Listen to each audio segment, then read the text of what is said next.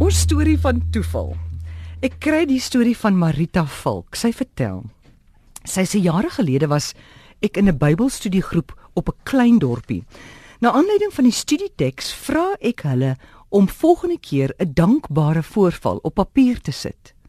Daar was net een oomie in hierdie groep en hy oorhandig toe 'n blou koevert. Binne-in was een vel skryfblok papier. Omtrent al skryfpapier daai jare. Hy skryf daar dat sy seun een Saterdagmiddag deur 'n slang gepik is en dat hy dringend die dokter in die hande moes kry.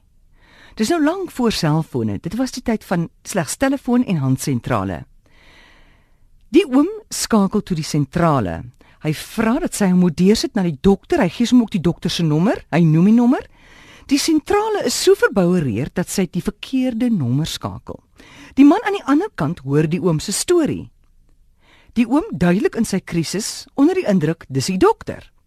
Die man aan die ander kant sê toe hy's nou nie 'n dokter nie, maar hy werk by die toksikologie afdeling en hy is 'n slangkenner.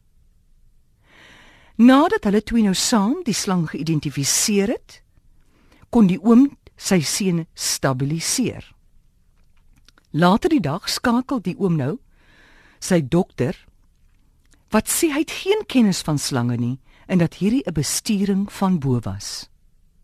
Die oom was so dankbaar, daar was traanvlekke op die enkele blou skryfblokblad.